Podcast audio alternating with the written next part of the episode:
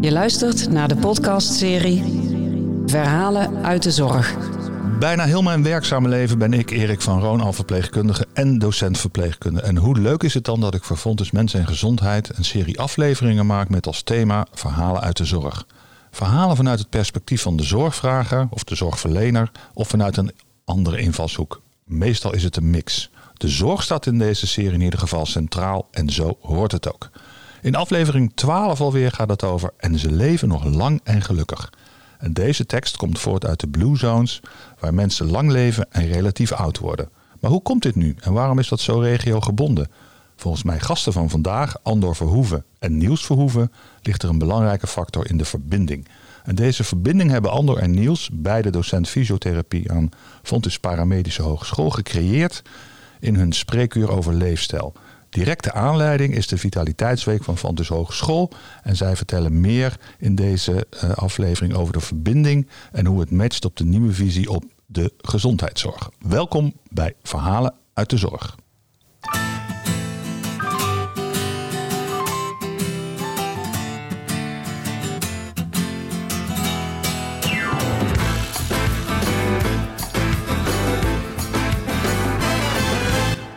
Niels en Andor, welkom aan deze podcasttafel. Dank. En om, en om maar uh, meteen met, uh, met de deur in huis te vallen, moet ik nu gaan zingen. En ze leven nog lang en gelukkig. Bijzondere titel. Vertel. Nou, je mag gewoon een liedje van ons zingen als je dat uh, graag doet. Maar, als jullie dat willen, ga ik zingen. Nou, laten we het overslaan. Misschien straks. Nee, ja, ze leven nog lang en gelukkig. Um, ik denk dat dat voortkomt uit mensen willen over het algemeen uh, gezond oud worden en, en gelukkig oud worden, denk ik. Uh, volgens mij is dat voor veel mensen in ieder geval het doel. Um, en wij zijn erachter gekomen dat dat uh, lang niet zo makkelijk is. We hebben natuurlijk gewoon heel veel momenten in, in, in je leven of in je gezondheid dat het mm -hmm. misschien allemaal niet zo fantastisch is. Um, en we kwamen eigenlijk op deze um, naam omdat er gebieden zijn in de wereld waar dat wel heel opvallend is. Um, dat zijn die blue zones. Ja. Dat zijn de blue zones inderdaad. Um, daar leven mensen toch al op een andere manier dan wij misschien gewend zijn. En dat is super uh, intrigerend. En we zien dat dat nu eigenlijk toegepast wordt in ons huidige zorgsysteem. Uh, dat het daar in ieder geval naartoe beweegt. En dat is een mooie ontwikkeling die wij graag willen. Uh... En wat is dan zo anders? Nou, even nog terugkomen op uh, en ze leven nog lang en gelukkig. En uh, je zou bijna zeggen, uh, lang zal ze leven gaan zingen. Maar ehm, het, het, is natuurlijk het einde van ieder sprookje. En dat was ehm, een beetje het idee van, bestaat dat nog wel, sprookjes? Kunnen we in sprookjes geloven? En ehm, nou, als je hier in de westerse cultuur rondkijkt, dan zie je toch vaak inderdaad, wat Niels ook al aangeeft, dat, dat, ja, dat het heel vaak niet zo is. En dat er veel ja, ellende op je pad komt. dat is niet anders dan bij de mensen uit de blue zones. Maar toch uh, is er iets dus inderdaad wat ervoor zorgt dat zij um, heel oud worden. En uh, ook nog in relatieve goede gezondheid. Um, het lijkt op een uh, mooi einde van een sprookje. Mm -hmm. Vandaar de verbinding, de titel. Ja. En ze leven nog lang en gelukkig.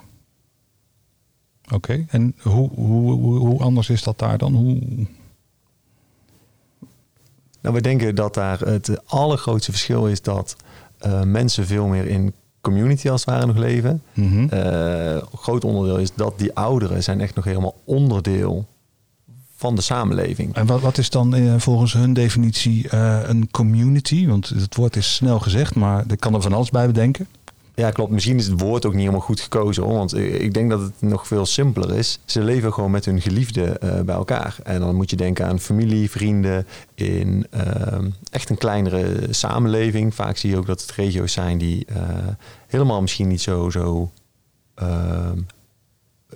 heel erg in, in de technologie ontwikkeld zijn. Mm -hmm. Dus mensen leven daar vaak in het gezinsleven misschien wel soberder, hebben veel meer nog de taken, de, de uh, pensioen bijvoorbeeld. Feitelijk bestaat dat bijna niet in die regio's. En, en, wij zijn al vanaf ons twintigste bezig met pensioen? Heel feitelijk wel. In de, uh, ja, Lekker veilig. Je begint, zo gauw je begint werken, begin je pensioen af te dragen voor je mm. oude dag. En daar zeggen ze eigenlijk, tuurlijk, je wordt ouder, je gaat uh, rustiger aandoen, je gaat beter leren omgaan met je, je energie en, en wat je wel of niet kan in, in je taken. Maar de ouderen, blijven participeren. Bij ons is het natuurlijk toch wel anders, denk ik, dat veel ouderen uiteindelijk vaak gescheiden wonen van kinderen al. Mhm. En na hun pensioen zeker nog wel zingeving kunnen hebben, maar wel op een andere manier daar invulling uh, aan geven. En dat is denk ik echt een heel groot, uh, groot verschil al wel. Dus verbinding in de community, uh, gezinnen blijven bij elkaar, families blijven bij elkaar. Families blijven bij elkaar wonen in dorpen. Krijg je, is daar ook iets als een, een wat je wel eens ziet, dat mensen vanuit de dorpen het platteland naar de stad trekken? Of blijven ze daar juist Nee, ze, ze, blijven juist vaak, zijn vaak ook hooggebergte waar ze zitten, inderdaad wat Niels al zei, wat afgezonderd van uh, ja, ook de digitalisering waar wij allemaal mee te maken hebben hier. Mm um, geen internet?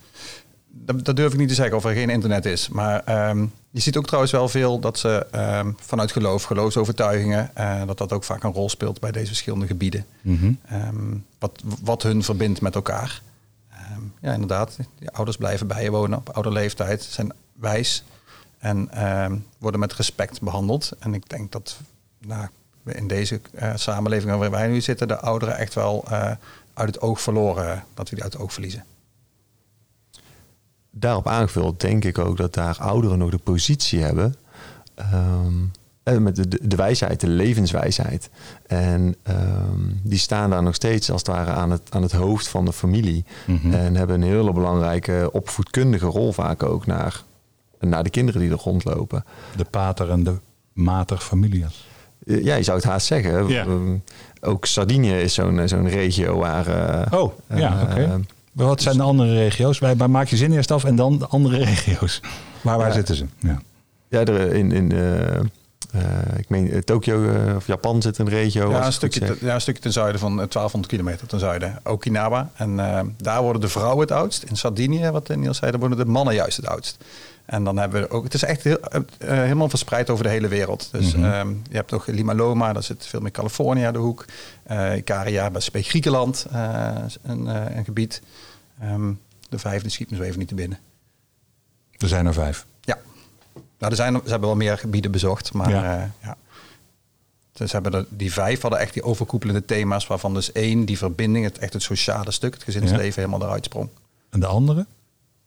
Nou, een tweede die ik zelf heel erg interessant vind is, um, nou, ik vat het eigenlijk zelf samen met het woord passie. Mhm. Mensen die staan op met een, een, een bepaald doel voor ogen. Ze hebben een ideaal, beschrijven ze ook wel. En uh, Niels gaf aan van ze kennen eigenlijk het woord pensioen ook niet. Maakt ook helemaal niet uit hoe oud je bent. Je ziet dus echt mensen in de negentig die gewoon uh, karateleraar zijn geweest hele leven al. En die geven nog steeds karateles. En, um, en als je dus opstaat met een bepaalde ideaal, ja, dan, dan hoef je ook niet te vragen, heb je zin om aan de dag te beginnen? Want die, die, dat is vanzelfsprekend voor die mensen. Als je een ideaal hebt, heb je altijd zin. Ja. Ja. Als je wakker wordt. Lijkt me wel prettig wakker worden. Ja. Hoe leer je dat aan? Nou, ik, ik weet wel een mooie truc. Als je uh, uh, s ochtends wakker wordt en je, je, je, draait je benen uit het bed... en zodra je voeten de vloer raken, dat is een goede tip... Mhm. Mm -hmm. dan zeg je, dit wordt een geweldige dag. Letterlijk? Hardop? Letterlijk, hardop. Oké. Okay. Ja. ja, is onderzocht. En? Daar word je gelukkiger van. ik ga dat morgen meteen proberen. Dus ja, uit bed, wakker worden, draaien, voeten op de grond. Het wordt een geweldige dag. Het wordt een geweldige dag. Oké, okay, je mag natuurlijk zelf iets bedenken. Hè? Hoe, je, hoe je successen viert, hoe je, hoe je positiviteit in je leven brengt. Maar je zegt het ook met een bepaalde non-verbale houding. En uh, dus uh, het moet wel uh, consistent zijn, het verbale en het non-verbale volgens mij. Want ik kan wel zeggen van het wordt een geweldige dag. Het wordt een geweldige dag. En dan met een bepaalde non-verbale. Dus, dus, het moet wel consistent zijn. Het moet echt van binnen uitkomen volgens ja, mij. Ja. Dus het is meer dan een truc. Ja, dan. het is geen truc. Het is ja. geen truc. Ja, je begon met het is een truc. oh, sorry. Ja. Ik heb een leuk trucje. Ja, ja jij, jij zit echt te popelen om iets te... Ja, nee, ik denk... Non-verbaal, ja, kom. Ja, het is denk ik mooi uh, wat, wat Anders zegt. Want het, het, is denk ik een truc inderdaad. Het is bijna zo, als je het natuurlijk dagelijks herhaalt... dan wordt het gewoon iets van jezelf. Dan wordt het eigen. En om daarop in te haken, dat denk ik ook met een passie. Ik denk niet dat je kan zeggen, dit is mijn passie. Nee, iets wordt jouw passie. Iets wordt jouw passie. Je gaat het steeds vaker doen. Je, hebt er eigenlijk, je, je raakt er bedreven in. Je krijgt er steeds meer plezier in. Uh, je gaat erover leren. Je gaat je erin verdiepen. Je krijgt er nog meer plezier in. Je wordt er nog beter in. Je merkt dat je andere mensen mee kan enthousiasmeren. En langzaam wordt iets je passie. En uh, dan wordt het dus ook iets van jezelf. En dan, dan kost het ook geen moeite. En dan ga je opstaan. Dat is denk ik mensen die dus van hun passie hun werk maken. Mm -hmm. Die zijn vaak ook gewoon klein begonnen. Uh, ik, ik weet nu. Wat is jullie passie? Mijn passie is denk ik echt uh, mensen vooruit helpen in de gezondheid. En vooral mensen leren dat uh, gezondheid uh, veel breder is dan dat we nu kijken in de curatieve zorg. Oké, ik heb er daar een leuk jingeltje voor. Persoonsgerichte zorg. Hoe komt dat in jouw verhaal tot uiting? Nou, maak je zin af. nou, ander neem even open. Geen probleem. Um, ja, wat, dan ga ik ook natuurlijk verder op wat mijn passie is. Ja. En um, nu vind ik wat ik, wat ik dagelijks doe, um, dus dat inderdaad het opstaan en, en, uh, en, naar mijn werk gaan en daar met, met, met mensen bezig zijn, met studenten bezig zijn, dat vind ik heel erg leuk. Maar ik vind dat eigenlijk iets te, te, klein, iets te kort doen aan wat ik echt belangrijk vind in het leven. En dat is, en dat is mijn gezin en uh, mijn vrouw, mijn kinderen. En, maar ik heb wel een overkoepelend thema waar ik echt heel erg in geïnteresseerd ben. En dat is communicatie. Mm -hmm. En ik weet ook dat uh, studenten, als ze, als ze mij zien, dan weten ze ook wat mijn motto is. Want dat is namelijk It's all about communication. Oké. Okay. Um, dat is wel... Een, Hoe weten zij dat? Uh, omdat ik dat, uh, mijn, iedere kennisclip die ik heb opgenomen daarmee eindig. Oké. Okay. en, uh, en, een soort als ik ga uit bed, zet mijn voeten op de grond en dit ja. wordt een geweldige dag. Ja, ja, en ik probeer daar ook het brein van mensen mee te beïnvloeden. We hebben ook allemaal een persoonlijke profiel op, op de locatie waar wij werken hangen. En Mhm. -hmm. daar mag je ook je motto neerzetten, dus daar staat hij ook. Um, voor mij is het communicatiestuk wel natuurlijk heel breed. heeft vooral ook te maken met menselijk gedrag. Dus hoe, hoe, hoe gaan mensen met dingen om? En uh, hoe, kun je, hoe kan communicatie daarin nu echt een, uh, een, grote rol spelen? En daar kun je ook lekker mee spelen. En met taal kun je ook heerlijk spelen. Mm -hmm. En wat is het effect als jij uh, zo'n clip eindigt met It's all about communication? Nou, ja, ik krijg hem dus wel eens terug op diploma-uitreiking. En dat in één keer het hele scherm vol met die term staat. Mm -hmm. En, um, het is gewoon als je uh, tijdens het spreekuur bijvoorbeeld. En, um, en, en als we vastlopen met een, met een, met een klant, met een patiënt. En, en, en je bent op zoek naar die dingen die dan het levensverhaal, die dingen die echt spelen. En dan kom je er eigenlijk altijd achter dat het echt wat te maken heeft met, met hoe je met diegene communiceert. Of je erachter kan komen of niet. Dus dat onder de oppervlakte kijken. Um, dus iemand echt leren kennen. Ja, dat, da, daar moet je echt goed voor kunnen communiceren. Vergt dat veel tijd? Ja, je moet echt geduld hebben. Je moet. Um, in, ik de, denk, ik in denk, deze tijdgebonden maatschappij, alles van minuut tot minuut, alles is geblokt. En kijk naar je lesrooster. Hoe... Ja, ja, daar zijn Niels en ik heel stellig in geweest. Dus bij ons is een, uh, we, we, we, hebben maximaal drie uur, dat wel. Er zit een tijdslimiet aan, maar Mhm. mm -hmm. wij uh, willen minimaal een uur per persoon hebben. En dat doen we ook, en anders doen we het niet. Oké, okay, dus je hebt drie uur spreekuur. En je moet daar even iets vertellen. Ja. Eerst even misschien, wat, wat is dat spreekuur? Jullie hebben het al een paar keer over een spreekuur. Wat houdt dat precies in? Wat valt er te bespreken? Van alles valt er over te bespreken. Nee, we hebben op donderdagochtend uh, op R10 uh, hebben Andor en ik samen spreekuur. Um, dat is eigenlijk voortgekomen uit um, uh, het Fontes Center of Health and Movement. Waarin we gaan kijken, kunnen we nou echt um, studenten opleiden in de echte realiteit van de praktijk. Van, dat ze van, van kop tot staart een, een, een intake en een behandeling helemaal kunnen gaan meemaken. Mhm. Mm -hmm. En dat zo realistisch mogelijk uh, doen. Um, daar zijn we een tijd, uh, tijd geleden gestart. En daarin merkten we eigenlijk dat um, je wil niet gewoon een praktijkvoering hebben van 25 minuten per patiënt en die tijdsdruk. We merkten dat om echt diepgang te creëren en voor studenten echt um, een leereffect te krijgen, die tijdfactor heel belangrijk is. en zo is dat spreker ontstaan en zo zijn wij eigenlijk meer met onze expertise van uh, wat, wat breder naar de de patiënt kijken en het uh, iets meer een leefstijl spreekuur te maken. Zo is dat langzaam gegroeid. Um, maar de basis is om een authentieke leersituatie voor de studenten te creëren. En um, daarin, om dat echt te doen, om daarin echt te leren, heb je tijd nodig. Ja. En dat is, uh, is echt fantastisch om dat te, te kunnen doen. Uh, wij merken ook dat, dat studenten daarin ook gaan voelen. Dat tijd nemen, luisteren, niet een vraag stellen om de vraag te stellen, maar een vraag stellen om het antwoord te horen en daarop te anticiperen. Rolmodel?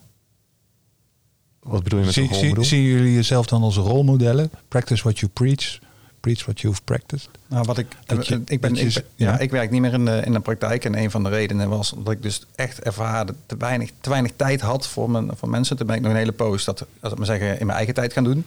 Ehm, dat verdienmodel was ook niet heel gunstig. Mhm. Ehm, dus uiteindelijk eh, de, de, de kans gekregen om, eh, om ja, dus in het onderwijs te gaan. En, da- en, en dus meer tijd gekregen om, ja, om, om, om dit, die boodschap over te gaan brengen. Ehm, ja, dus voor, voor, voor mij is dat wel echt uh, een, een, een, hele belangrijke. Ja, ja. Ik, ik had net uh, een gedachtespinsel en uh, jullie hadden het over patiënten, cliënten, zorgvragen, hè, allerlei synoniemen voor hetzelfde. Even op die patiënten en leefstijl. In hoeverre matcht dat nog? Want een patiënt heeft een klacht, volgens mij of cliënt of hoe dan ook. En eh, hoe, koppelen jullie, hoe koppelen jullie leefstijl daar aan? Want die wordt al een aantal keren expliciet genoemd. Daar ben ik benieuwd naar. Nou, ik denk eigenlijk dat elke cliënt, met welke klacht dat hij ook komt, heeft een leefstijl. En ehm, ik denk dat Andor en ik echt de visie hebben dat het heel, feitelijk heel simpel is. Als iemand komt met een klacht en die zegt: Ik heb gisteren uh, met sporten ben ik door mijn enkel gegaan. Dat is een heel biomechanisch iets. Het is heel mhm. duidelijk. Je hebt een trauma opgelopen of een trap gehad op je enkel. Super duidelijk. Ehm, echter, de praktijk leert dat we veel meer patiënten krijgen die in de chroniciteit vallen. Dus langer dan drie maanden klachten. Mhm. Dat betekent simpel gezegd dat ehm, je lichaam niet in staat geweest, is geweest om zijn zelfherstellend vermogen te benutten. Mhm. Als dat niet is gelukt, want feitelijk een ontstekingsreactie. Uh, een aantal weken uh, ben je weer. Nou, dan zou het over moeten zijn. Precies. Als het niet lukt, uh, dan zullen er veel meer componenten zijn die dat misschien in stand houden. Ben jij door je enkel gezwikt en sta je na vier weken weer lekker op het sportveld, dan zal er niet zoveel aan de hand zijn geweest als een biomechanisch probleem. Zijn die andere is er geen herstel, dan, dan spelen er andere factoren. Dat kan zijn in je thuissituatie, dat kan zijn in, in uh, letterlijk hoe je in je vel zit. Uh, noem het maar op. Het kan werkgerelateerd zijn. Maar het houdt blijkbaar herstelprocessen in stand. En dan kom je al gauw bij leefstijl. Want dat is je leefstijl. Hoe voed je jezelf? Hoe actief ben je? Geef je jezelf rust en ontspanning? Zorg je ook voor de gezonde inspanning? Zorg je voor afwisseling? Heb je zingeving en voldoening in je, in je functioneren? Ik beluister weer een verbinding naar de zogenaamde Blue Zones. Absoluut. En uh, dat is een van die punten die daar ook naar voren komt, is dat als mensen gezonde voeding tot zich nemen en ze dan daar vooral plantaardig eten, wil niet zeggen dat ze helemaal geen vlees eten. Als ze wat vlees eten, dan is het vaak wat varkensvlees. Mm maar dan is de, de, de porties is niet groter dan een, eh, een pak kaarten uh, één keer in de zoveel tijd. Dan een paar? Een pak kaarten, dat stond ergens. ja, maar dat, ik, ik, zag het voor me toen dacht ik van oké, dit is geen echte grote steek die ze hier in binnen aan het werken Een stokkaarten, dus waar je mee kan. Ja, ja, oké. ja, ja. Oké. En, uh, maar ja, dus veel, veel, veel uh, gezonde voeding, plantaardig eten is ook een van die uh, factoren waarom ze daar zo oud worden. En wat een mooie toevoeging misschien is, um, wat je eigenlijk ziet is dat die mensen die eten wat ze evolutionair gezien daar eten. Mm -hmm. um, hebben het over Sardinië, dat, dat, is wat meer een mediterraans dieet en dat past bij die mensen, ook bij hun genetica en bij hun epigenetica. Epigenetica is heel simpel gezegd eigenlijk de, de, hoe verander je als, als, je, als mens en hoe verandert jouw lichaam op basis van omgevingsfactoren. Um, je ziet eigenlijk dat die mensen dus heel puur en heel, zoals anderen al zei, heel natuurlijk nog eten wat daar hoort. Zoals wij in, uh, in Nederland eigenlijk ook al een beetje onze eigen voedingspatronen hebben. De boer op de hoek? Ja, wel heel leuk om dat toe te voegen daar in Sardinië is dat, dat ze hebben daar de uh, wijn at 5. Oftewel een soort van happy hour. En ze drinken dus ze drinken bijna overal bij die gebieden alcohol. Um, behalve in uh, Lima Loma, maar dat heeft echt met geloof en overtuiging te maken. Mm maar op Sardinië zeker wel. En daar werden de mannen het oudste, wat ik net aangaf. En, uh, maar ze hebben wel echt hun eigen wijn. En daar zitten ook bepaalde stoffen in die, die, die gezond kunnen zijn. Um, wat ik hier eigenlijk mee wil zeggen is wij denken altijd dat je het allemaal volgens de regels moet doen en dat het strikt is en dat je inderdaad bepaalde voedingsstoffen niet mag nemen. Maar het, juist, het idee is juist dat ze in die gebieden eigenlijk het woord stress ook helemaal niet kennen. Mhm. Ze, uh, ze maken plezier, ze zijn samen, ze ontspannen en ze hebben dus wel ook echt wel vaste patronen en, uh, en met voeding gaan ze ook wel kijken van neem ik niet te veel. Dus ze hebben dus ook een, een uitspraak die ze doen voordat ze gaan eten. En dan uh, als ze uh, 80% vol zitten, dan weten ze dus ik moet stoppen. Want een half uur later voelen ze van, oh, ik had toch genoeg. Ze scheppen het eten op in de keuken op wat kleinere borden. Dus je probeert de omgeving wat aan te passen, waardoor je eh, niet, niet in overdaad uitkomt, niet te veel pakt. Dus echt rituelen eromheen, maar niet, geen stress, niet, niet te strikt maken allemaal. Niet om zes uur. Ik, eh, het eten moet op tafel staan om half zeven. Wat je op eh, eh, campings in Frankrijk. Ik heb in één keer een beeld van Nederlanders in Frankrijk. jullie lachen, dus jullie herkennen dat beeld. Een gezin wat aan het koken is. Half zeven moeten we afwassen. En om kwart voor zeven. papa en mama zitten aan de koffie. En de kinderen gaan badmintonen. Dat moet. Ja. Ik denk dat dat daar een stuk minder is, ja. Ze besteden vaak ook echt veel tijd aan het koken. Mhm. Dus het, eh, we weten allemaal dat de maaltijd bereiden... of misschien weten we het niet allemaal, maar voor ons is het heel logisch. De maaltijd bereiden... Voor als- jullie is dat heel logisch. Ja, Ja, oké. dat je daar tijd aan besteedt. Dat maakt feitelijk al dat je stoffen aanmaakt in je lichaam... eh, die die maaltijd kunnen gaan eh, ver- verwerken, zeg maar, en verteren. Ja. Zo werkt het gewoon. Het water loopt al in de mond. De uitspraak bestaat niet voor niks. Ja. Dat, dat is het eigenlijk.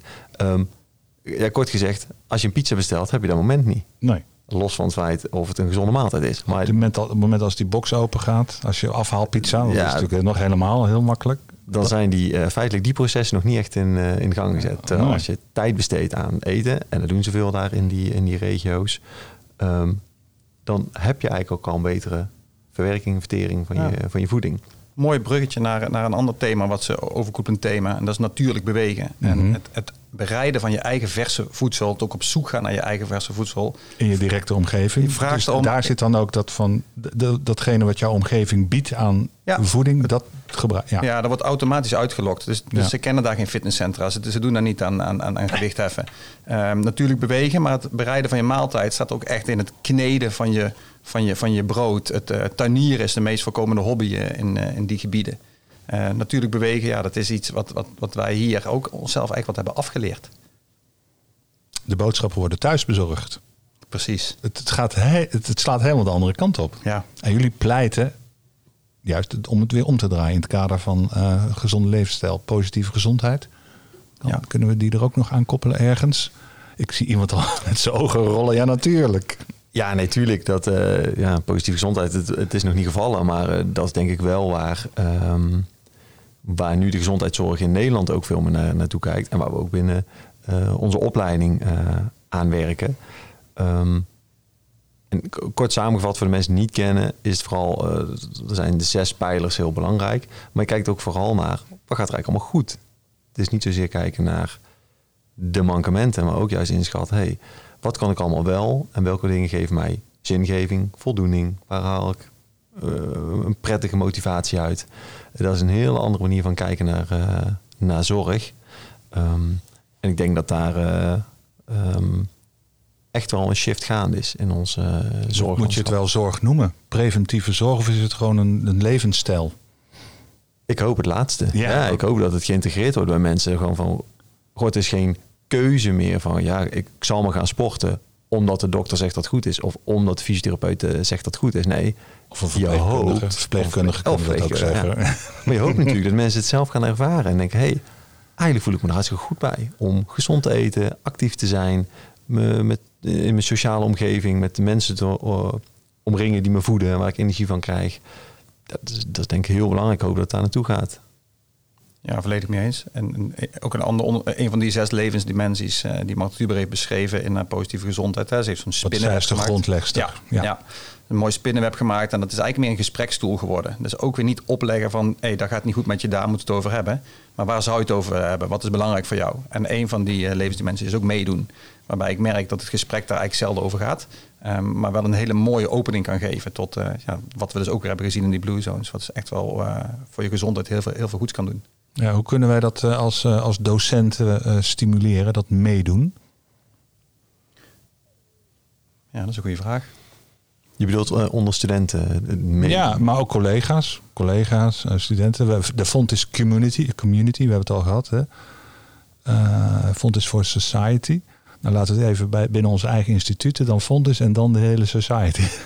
Maar hoe kunnen wij daar een bijdrage aan leveren? Wij, wij moeten daar, wij, ik denk dat wij daar een hele belangrijke rol in kunnen spelen. Nu hebben jullie genoeg tijd gehad om na te denken. Nou, het was niet genoeg tijd, denk ik. Maar ik denk wel dat we het uh, ja, we precies proberen met... Uh, als ik kijk naar, de, naar ons in de opleiding fysiotherapie... dat je inderdaad heel erg probeert om je, uh, je, je leergemeenschap... dus de community met je studenten... -huh. zoveel mogelijk te betrekken bij de opleiding. maar ze ook nu opleiden Ehm, niet zozeer meer dat ze tegen de patiënt gaan zeggen: Nou, eh, zo zit het, zo werkt het en dit is goed voor je, dus deze oefening moet je doen. Maar dat we veel meer gaan naar eh, de shared decision making met je patiënt. En dan van: Goh, wat heb jij nu nodig? Je hebt, je hebt een bepaalde klacht, wat is je hulpvraag daarin? Hoe kan ik je daarin begeleiden? Eh, dat we niet misschien wel het wiel gaan uitvinden voor die patiënt, maar we tegen die patiënt gaan zeggen: Wat heb jij nodig om stappen te zetten in je gezondheid of in je gezondheidsperceptie? Want gezondheid is heel lang zo beschreven dat als je uh, vitaal bent en uh, al je gewrichten bewegen goed en je bent fit en je hebt misschien een bepaalde rustuitslag en je hebt een bepaalde zuurstofopname, mm -hmm. dan zou je gezond zijn. Maar dat is natuurlijk helemaal niet. Er zijn mensen met een handicap of die in een, in een rolstoel zitten of, of uh, maar die zichzelf hartstikke vitaal en gezond voelen en ja. misschien wel helemaal geen beperkingen ervaren. En wie zijn wij dan om te bepalen dat ze. Exact. Ja. Da daarmee zeg je precies goed. En ik denk dat we die rol uh, als opleiders nu echt wel heel goed, goed pakken naar onze ja, toekomstige paramedici. Ja. ja.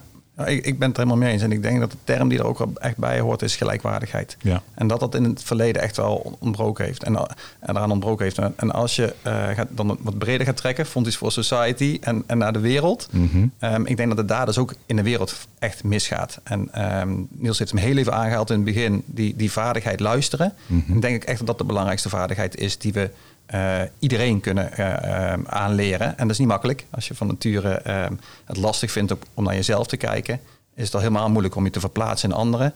En dan komt die term perspectief weer naar voren. Maar dat zou heel mooi zijn als je een soort van mentaal training kan aanbieden. Dat, dat je dus leert om naar jezelf te kijken, maar ook het, op de stoel van de ander te gaan zitten. Een andere bril op te zetten en eens te kijken van, goh, hoe zou die ander dat dan zien? En ja. je ziet dat wereldleiders dat heel moeilijk vinden. en maar het zou wel het zou dan een hele mooie, mooie, mooie ontwikkeling zijn als, we dat, als, als daar een verschuiving in gaat komen. Ja. Het is nu ja. nog een beetje zo dat als mensen heel vriendelijk zijn en liefdevol en naar iemand luisteren, het vaak geassocieerd wordt met dat ze wat zwakker zouden zijn. Um, so don't mistake my, weak, my kindness for weakness. Mm -hmm. nou, dat is mooi. Hè? Je hebt heel veel van dat soort tegeltjes, merk ik. Ja, ik hou ervan. Ja, iets met taal en tegeltjes. ja. Moet eens op zijn badkamer komen. Oh. Heel ik ben er dan niet. Nou, wat, nou, ik, heb, ik heb één tegeltje deze. Mijn, uh, ik ben het jaar geweest van mijn oudste zoon gekregen. En die, uh, die, staat op de, die heb ik op de wc neergehangen. En die, dat is echt een, meer een inside dingetje. Maar daar staat. En daar ligt hij. Dus ehm, ja, tegeltjeswijsheid vind ik interessant. Um, maar het, het, hoeft niet altijd even serieus te zijn. Nee. Ik, ik, ik wil nog wel even terugkomen op wat je net zei over. Um, uh, je, je, zei iets over de verbinding uh, met studenten, of uh, sorry, dat we gelijkwaardig zijn aan ja. studenten en, en, wij zijn gelijkwaardig. En ik denk dat dat ook wel de kracht is in de opleiding, ook in de spreekuren, dat pas als er gelijkwaardigheid is, kan je werken aan verbinding. Als je een boven de ander wil staan ja, of je hebt een, ja, een afhankelijkheid van elkaar, dan ben je niet op een, op een goede manier misschien in verbinding met elkaar of op een prettige manier waar er veiligheid is voor je patiënt en dat je patiënt ook durft te vertellen wat misschien wel echt speelt. Ja, helemaal eens. Uh, eerstejaars studenten vind ik zelf de leukste groep, want die komen net van de middelbare school. Daar, daar plant je eigenlijk het, het, het zaadje. En uh, dat is een van de redenen. En een aantal collega's die dit nu horen, die denken, oh, daar komt hij weer. Ik heb het ook niet over studenten, maar ik heb het over collega's. Dus ik heb het collega-studenten en collega-docenten. Het zijn collega's en zo, zo wil ik ook met hen werken. En zo stel ik mij ook op vanaf het allereerste begin. Ik zie jou kijken. Nou ja, wij hadden altijd fysiotherapeut een opleiding. Ah, en nu is het volgens mij officieel weer student. Ja. ja. Um, maar, de, maar wat is in een name? Ja, wat in een name? Om, om dan toch een tegeltje. Ik denk dat er heel veel in een naam is. De manier als je het hebt over jij bent nu student, ik ben docent. En wij, ik zeg vanaf het eerste moment, wij zijn collega's van elkaar. Ja, ja er zit zeker wat in. Uh, ik, ik moet je het antwoord schuldig blijven voor de exacte keuze van student weer ten opzichte fysiotherapeut en opleiding. Ik weet het eigenlijk gewoon niet Het is gewoon ook een gedachtespinsel. Ja, maar, maar er zit zeker wat in. Uh, omgekeerd vind ik uh, student helemaal geen vervelend woord. Um, uh, daarmee bedoel ik, ik zie mezelf ook als student. student van het leven. Ik, zo is het natuurlijk. Dan draait het om. Ja. ja. ja. Perceptie, context, wij gelijkwaardigheid, verbinding. Wij, wij, leren constant. We zijn bezig met een nieuw curriculum. Daar leren wij ook constant als, als docenten. Dus we zijn net zo goed student aan ja. dus eigenlijk. Ja. Ik zeg wel eens, uh, gezien mijn leeftijd, ik weet ontzettend veel. Dat is echt waar. Maar ik weet nog heel veel meer niet. En daar gaan jullie mij bij helpen. Tenminste, dat is mijn insteek. Zo zeg ik het ook vaak uh, in, in mijn behandelkamer. Ik werk nog wel in de particuliere praktijk. Ik zeg, stevast, hoe meer dat ik leer, hoe meer dat ik besef dat ik niet zoveel weet. Precies. hey, Niels heeft ook tegeltjes. Hey, uh, ja. iedereen heeft toch tegeltjes? Zeker. Wat zin nemen. Ik uh, even een ander onderwerp. Dat kan echt niet meer. Flus je maar. Nou, pak er één. Ja, kijk. Dat kan echt niet meer. Nee, ja, duidelijk. We hebben het natuurlijk over gehad. Hè. Uh, we hebben het nog niet benoemd als uh, uh, holistische visie. Dus iemands levensverhaal hoort centraal te staan. En, en, en, en mag tot huur bij positieve gezondheid. Nou, we, we gebruiken toch meestal het biopsychosociaal model daarvoor om het wat handen en voeten te geven. En de biomedische blik, dus echt het voorschrijvende van... oké, jij bent mijn patiënt, waar heb je last? Dan moet het ook dat zijn en dan ga ik dit en dit voorschrijven. Um, het, het, het directieve, het bepalende, dat kan echt niet meer. Nee. En daar sluit jij je volledig bij aan. Ik heb niks toe te voegen. nee, zo, zo, zie ik het ook volledig. Ik denk dat je dat uh, en, uh, niet meer los van elkaar kan zien. En hoe gaan wij uh, dit tussen de oren van collega's, studenten, docenten, ook in de hoe gaan wij dat tussen hun oren planten? Wat, wat, want er zijn nog altijd collega's die wel op die manier. Hoe kunnen wij hen bereiken? Nou, ik denk ook niet dat dat slecht is om nog steeds uh, zulke collega's te hebben. Uh, want, want we hebben ook nog steeds de, de biomedische klachten natuurlijk. Die, die zijn er nog steeds. Mm. Alleen we zien gewoon een verschuiving in onze maatschappij. Dat er een enorme groei is van chroniciteit uh, in, in, in, klachten. Um, ja, en als dat speelt, dan kun je er niet omheen om gewoon breder te kijken. Anders ben je denk ik als, als zorgprofessional gewoon naïef. En ik denk door dat beeld te schetsen en gewoon feitelijk de, de, de realiteit aan te schetsen... Um, kun je dat eigenlijk best makkelijk duidelijk maken. Van, joh, je komt er niet mee weg.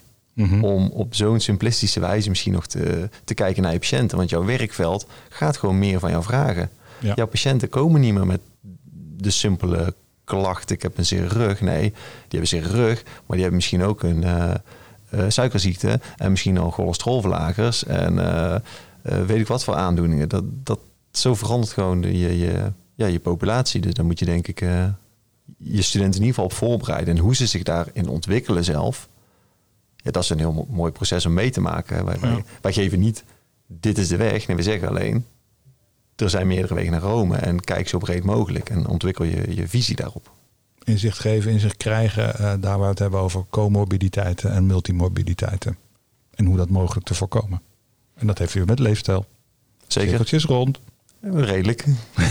en ik, ik, denk dat we, dat we niet meer heel veel extra aan hoeven te doen. Het is, het, is al gaande, het is al een sneeuwbaleffect. Je, kunt, je komt er ook niet meer mee weg. Je, val, je begint echt op te vallen, net als als je nu nog een sigaret opsteekt.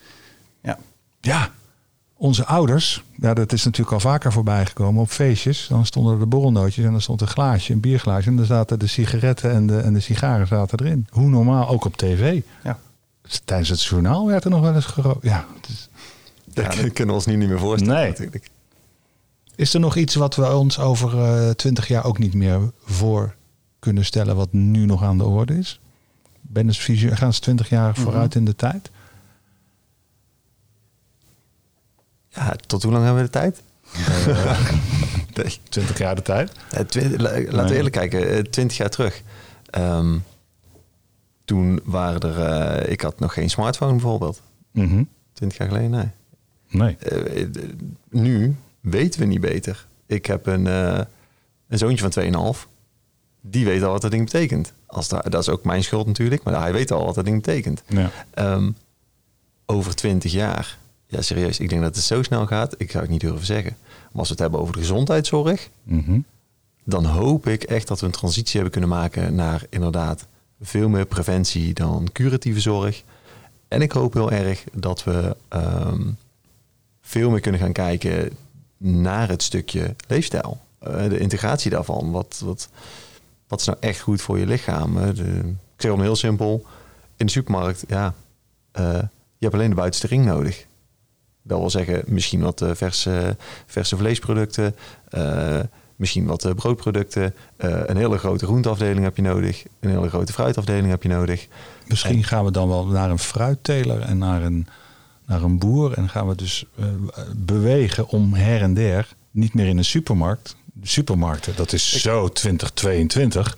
Nou ja, het klinkt bijna ouderwets, maar ik hoop dat het daar weer naartoe gaat. De dat kleine inderdaad- buurtwinkels. Mm, Ja, dat zou misschien echt wel goed zijn. Eh, wat, ja, wat moet ik met, met, met sperziebonen uit Ethiopië? Ja. Heel feitelijk, als je ook kijkt, de, de, de- misschien wel de, de, als we het dan hebben over de wereld, hè, over de blauwdruk die dat geeft over Mhm. eh, onze CO2-uitstoot en de kosten. Ja, precies. Ja, oh, sorry, de footprint, ja. Ja. Ehm, ja, ik, ik vind daar wel wat van. Ik denk, joh, het zou toch veel handiger zijn om met seizoenen mee te eten. Ja. Dat is gezonder voor ons. Daar zijn we voor gemaakt. En dan kun je bij lokale ondernemers halen. Nou, Win-win-win, denk ik. Ja, we hebben het opgelost.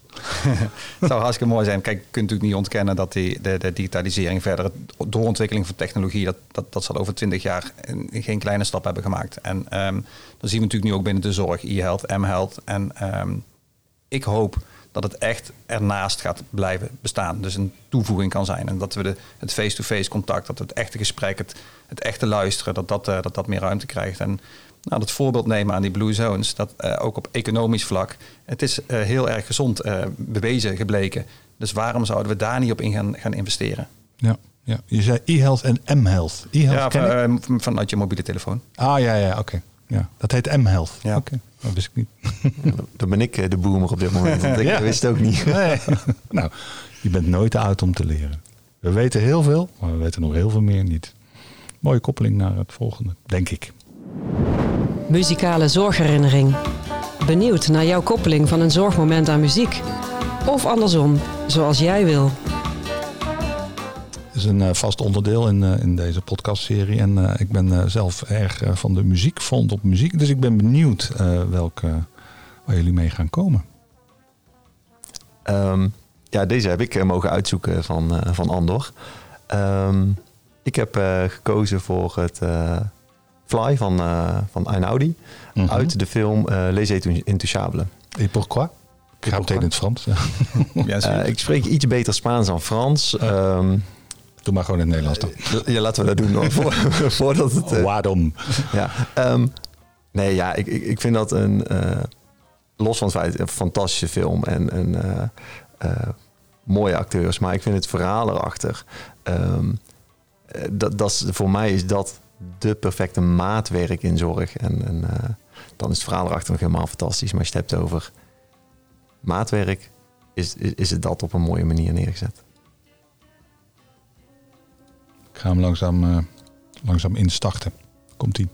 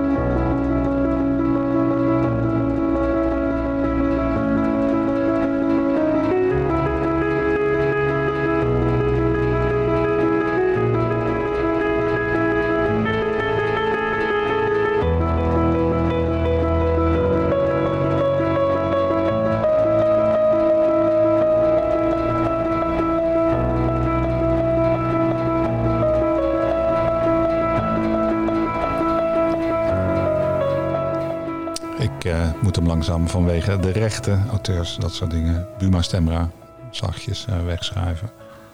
Ik zit helemaal in die film weer. Mooi hè? Ik heb nog nooit, echt eh, sinds jaren, tranen rolden over, over mijn wangen van het lachen. Fantastisch Ja, ook, gemaakt. Ook. Eh, maar ook heel, Maar net zo goed ontroerend. Precies. ik, het is echt Ja. ja. fantastisch gedaan. Alle mensen die hem niet gezien hebben, ga hem alsjeblieft kijken. Want, intouchable. zeker. Zijn er dingen die, eh, terugkijkend naar onze afgelopen 40 minuten alweer, jongens, we zitten lekker op stoom, eh, die nog eh, de revue niet zijn gepasseerd, maar nog in het spotlicht gezet moeten worden? Nou, we hebben, we hebben vooral gekeken naar omgeving en sociale contacten. En wat we eigenlijk niet zo besproken hebben, is ook dat je in verbinding kan staan met jezelf. En um, om het bruggetje te maken naar die muziek, ehm, maak ik heel veel gebruik van um, hoe kan je nu kijken of je meer chemische stoffen, stoffen gaat produceren, waardoor je zelf lekkerder in je vel kan komen te zitten, uh, wat je gezondheid ook te goede gaat komen. En muziek is daar een hele mooie uh, van, uh, mooie hersengebieden die geactiveerd worden. En um, wat ik zelf heb gelezen, ook uit onderzoek, maar ook heb proberen toe te passen, is van hoe kan ik nou meerdere hersengebieden tegelijkertijd activeren ook weer gekeken naar die blue zones, waardoor ik zoveel mogelijk van dat positieve spul ga aanmaken. En, en mensen kennen het wel, dopamine, serotonine, oxytocine, uh, endorfines. Mm Dus ja, bewegen is daar een zeker een belangrijke factor bij. Dus hoe kan ik bewegen, combineren met heel veel zintuigen uh, actief maken, in laten, uh, aan het werk zetten, maar ook mijn cognitie, het denkvermogen. Um, ik kom bijvoorbeeld zelf uit bij een boswandeling waarbij ik de geluiden van, van vogeltjes op de achtergrond hoor. Uh, ik kom uit bij een, uh, bij een strandwandeling, de, haren, de, wind door mijn haren, waarbij ik op mijn blote voeten het, het zand voel. Dus ook het somatosensorische, dus het echte voelen, de tast, daar nog aan toevoegen. Ja, dat zijn voor mij dingen wat ik echt. Geur? Ja, geur is de, geur is de meest sterke. Mm -hmm. uh, want we hebben het nu over het positieve gehad. Maar ja, je hebt natuurlijk ook uh, de negatieve kanten ervan. Dus je ziet ook als mensen negatieve herinneringen hebben opgeslagen, vaak gecombineerd met, met vieze geuren. Ja, er is niet veel voor nodig om die weer naar boven te halen. Dus uh, het, uh, laten we het positief houden. De, de geur van, van, van vers gebakken brood. Uh, wat dat al met je kan doen en, en, en welke stoffen daarbij vrijkomen. Dus ja, omgeving, superbelangrijk. Maar, maar, maar ben, blijf ook in verbinding met jezelf. Mooie afsluiting, denk ik. Ja, ik wil er ook al uh, op inhaken. Ik denk dat wij, uh, als ik kijk, ik, uh, ik ben nu 39. In de opleiding dat ik de opleiding, de, de tijd de opleiding fysiotherapie deed, was het eigenlijk nog veel minder vanzelfsprekend om jezelf misschien als therapeut wat kwetsbaarder op te stellen of wat meer open te stellen. Je had echt een heel duidelijke therapeut-patiëntrelatie. Um, en ik hoop dat we um, ook onze studenten mee mogen geven dat juist jezelf ook als therapeut een beetje kwetsbaar opstellen. Uh, dat wil niet zeggen dat je je levensverhaal vertelt, maar je kan wel je, je, je, ook je twijfel uh, met de patiënt delen. Ik denk dat je dan veel meer op één level komt en in verbinding komt met je patiënt. en dat is, dat is niet zo moeilijk, want dan moet je eigenlijk zeggen: Ik weet nog niet alles. ja, kun je dat? Ben je als mens al in staat om te zeggen ik vind het lastig. Ik ben, of als therapeut, ik vind het lastig. Uh, durf je de beslissing te maken? Ik kan je niet goed genoeg helpen. Ik moet je doorsturen naar een collega. En dat vind ik een hele mooie dimensie om ook uh, studenten mee te geven. Dat dat een stukje uh, oké okay zijn met jezelf. Dat je, dat je ja. lerende bent. En, en ja, als laatste, we hebben het over verbinding. Ik zit hier al heel de tijd met, met een glimlach een beetje te kijken naar een eland die hier staat. Die denk ik vanuit de kerst hier is blijven staan of zo. Mm -hmm. Ja, als je het natuurlijk hebt over waarom vinden mensen kerst zo fijn? Ja, volgens mij is dat een moment dat je in verbinding bent met je familie, met, uh, met je naast. Ah, oh, kerstlampjes aan, oh. helemaal fantastisch. ik, ik mensen altijd moeten kunnen zien. Dus, uh, maar ik, ik, denk dat dat ja. wel uh, heel kenmerkend is voor de verbinding die iedereen zoekt, die elk mens nodig heeft, die elk mens fijn vindt. en die in zo'n tijd altijd bovendrijft. En Waarom doen we dat feitelijk 2,5 dag per jaar? Daar zou je inderdaad, dat is anders net zegt... 365 dagen per jaar. Ja, Opstaan elke dag. Ja, en een stukje kerstmis uh, misschien wel uh, meenemen. En uh, je, je endorfine, serotonine, oxytocine, je, je knuffelhormoontjes allemaal meenemen. Ja, dat zou fantastisch zijn als je dat mensen kan leren en dat ze erachter komen hoe ze dat zelf kunnen doen. Ja. En in stand houden ook. Mooie afsluiting, denk ik. Andor Niels, zij leven nog lang en gelukkig.